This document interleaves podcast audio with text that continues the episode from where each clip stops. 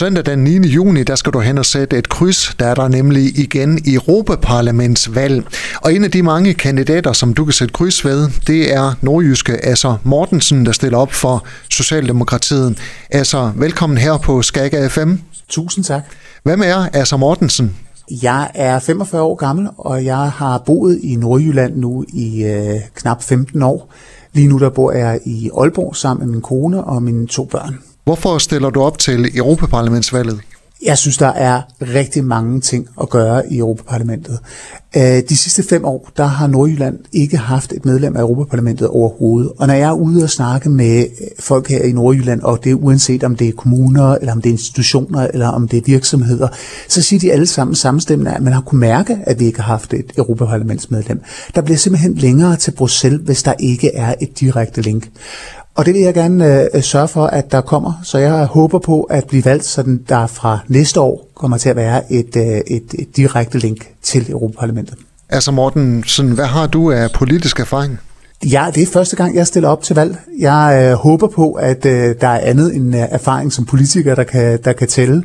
Øh, jeg kommer med en erfaring fra arbejdsmarkedet. Jeg har igennem øh, de sidste 10 år haft min egen virksomhed. Øh, så øh, det håber jeg at kunne bidrage med også. Her for nylig har du været på besøg på blandt andet Aalborg Havn, også øh, Hirtshals øh, Havn. Transportområdet, er det en af dine mærkesager? Det er det i hvert fald. Altså, vil sige, jeg synes jo, at hele den her proces, der er det her med at identificere nogle mærkesager, det er nok det, det, det sværeste, for jeg synes, der er så mange ting at gøre i Europaparlamentet. Uh, altså lige skynd mig at, at, at rette og sige, at jeg har jo ikke kun været uh, på Hirtals Havn en gang, jeg har faktisk været der to gange. Den ene gang, hvor det havde fokus på fiskeriet og fiskeripolitikken, og den anden gang, hvor det havde fokus mere på havnepolitik og transportpolitik.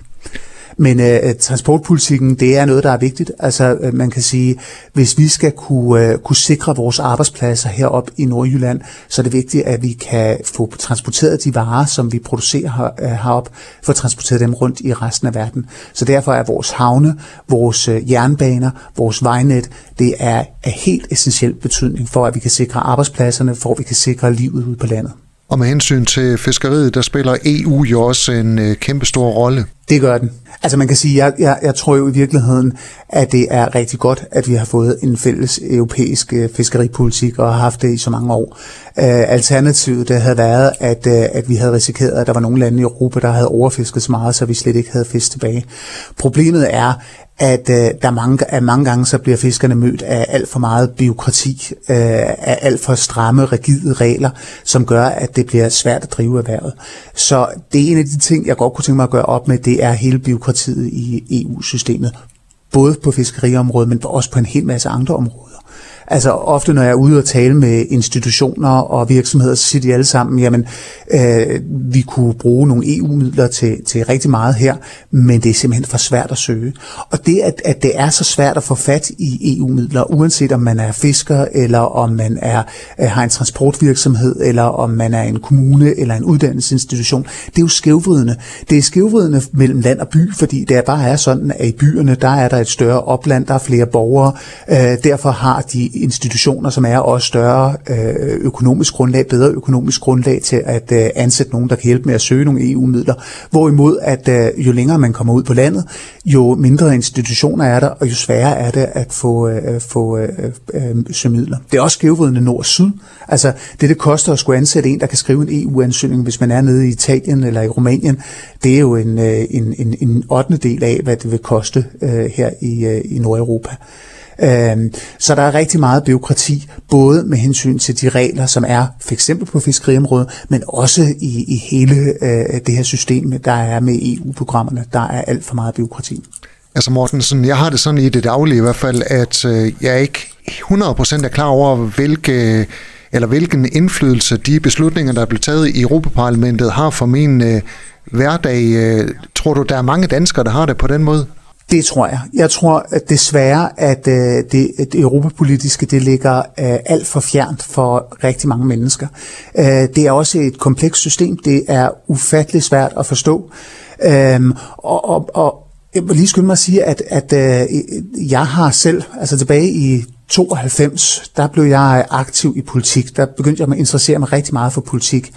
Og det, som fik mig til at interessere mig for politik, det var faktisk den afstemning, vi havde tilbage i 92 om, øh, om Maastricht-traktaten. Øh, og der var jeg meget modstander af EU. Jeg synes, at EU var en, var en frygtelig ting. Jeg var bange for det her EU. Jeg synes, det var øh, for komplekst. Jeg kunne ikke forstå det. Øh, øh, og, øh, altså, så, så jeg har jo selv været i en situation, hvor jeg har, hvor jeg har været kritisk over for EU, og hvor jeg har, jeg har synes, at det, at det er så svært at forstå, det, øh, det, det, det gør også, at jeg ikke kan, kan, kan gå ind for det. I, i dag, der tror jeg bare, at for det første ser verden anderledes ud. EU er vigtig. Vi kan ikke klare os selv i, i den verdenssituation, der er nu, så EU er helt essentielt for, at vi kan sikre trygheden i Danmark og her i Nordjylland. Altså Mortensen, øh, hvorfor skal vi gå ned og stemme til Europaparlamentsvalget søndag den 9. juni? Vi skal ned og stemme først og fremmest for at sikre, at vi gør vores stemme gældende i Europa. Øh, der er så mange vigtige dagsordner, der kommer til at blive taget stilling til de næste par år i Europa. Der er hele det grønne område, som, øh, som Europa skal, skal, skal tage stilling til. Så der er rigtig, rigtig mange ting, som Europa øh, kommer til at skulle, skulle gøre. Og EU er vigtigt. Der er rigtig meget af den lovgivning, som bliver vedtaget nationalt, den kommer på et eller andet måde fra, øh, fra, fra EU. Og sidst men ikke mindst, så skal vi specielt her i Nordjylland gå ned og stemme til Europaparlamentet, og vi skal gå ned og stemme lokalt, altså på en af de lokale kandidater, fordi det er så vigtigt, at, at øh, Nordjylland igen bliver repræsenteret i Europaparlamentet. Hvordan kommer du til at føre valgkamp frem mod Europaparlamentsvalget? Jeg kommer til at være ude i alle kommunerne. Jeg kommer til at være i hele Nordjylland. Og jeg har jo også sagt meget klart, at øh, når jeg forhåbentlig bliver valgt til Europaparlamentet, så bliver jeg boende i Nordjylland. Jeg bliver ikke en af de kandidater, som øh, vælger at flytte til Bruxelles og øh, bosætte mig dernede for først at komme tilbage, når, når der er valgkamp næste gang. Jeg vil blive boende i huset i Aalborg, og, og så vil jeg sørge for at bruge så meget tid som overhovedet muligt ude i alle kommuner, ude i alle byer i Nordjylland. Og det kommer jeg også til frem til, til valget. I vil se mig i Hirtals mange gange endnu, og jeg øh, har allerede været rundt i alle store byer i Nordjylland, og det vil jeg komme igen, og jeg kommer også ud til rigtig mange af de små byer. Asser Mortensen, socialdemokratisk kandidat til Europaparlamentsvalget. Tak fordi du var med her og fortsat god valgkamp. Det er mig, der takker. Tak for det.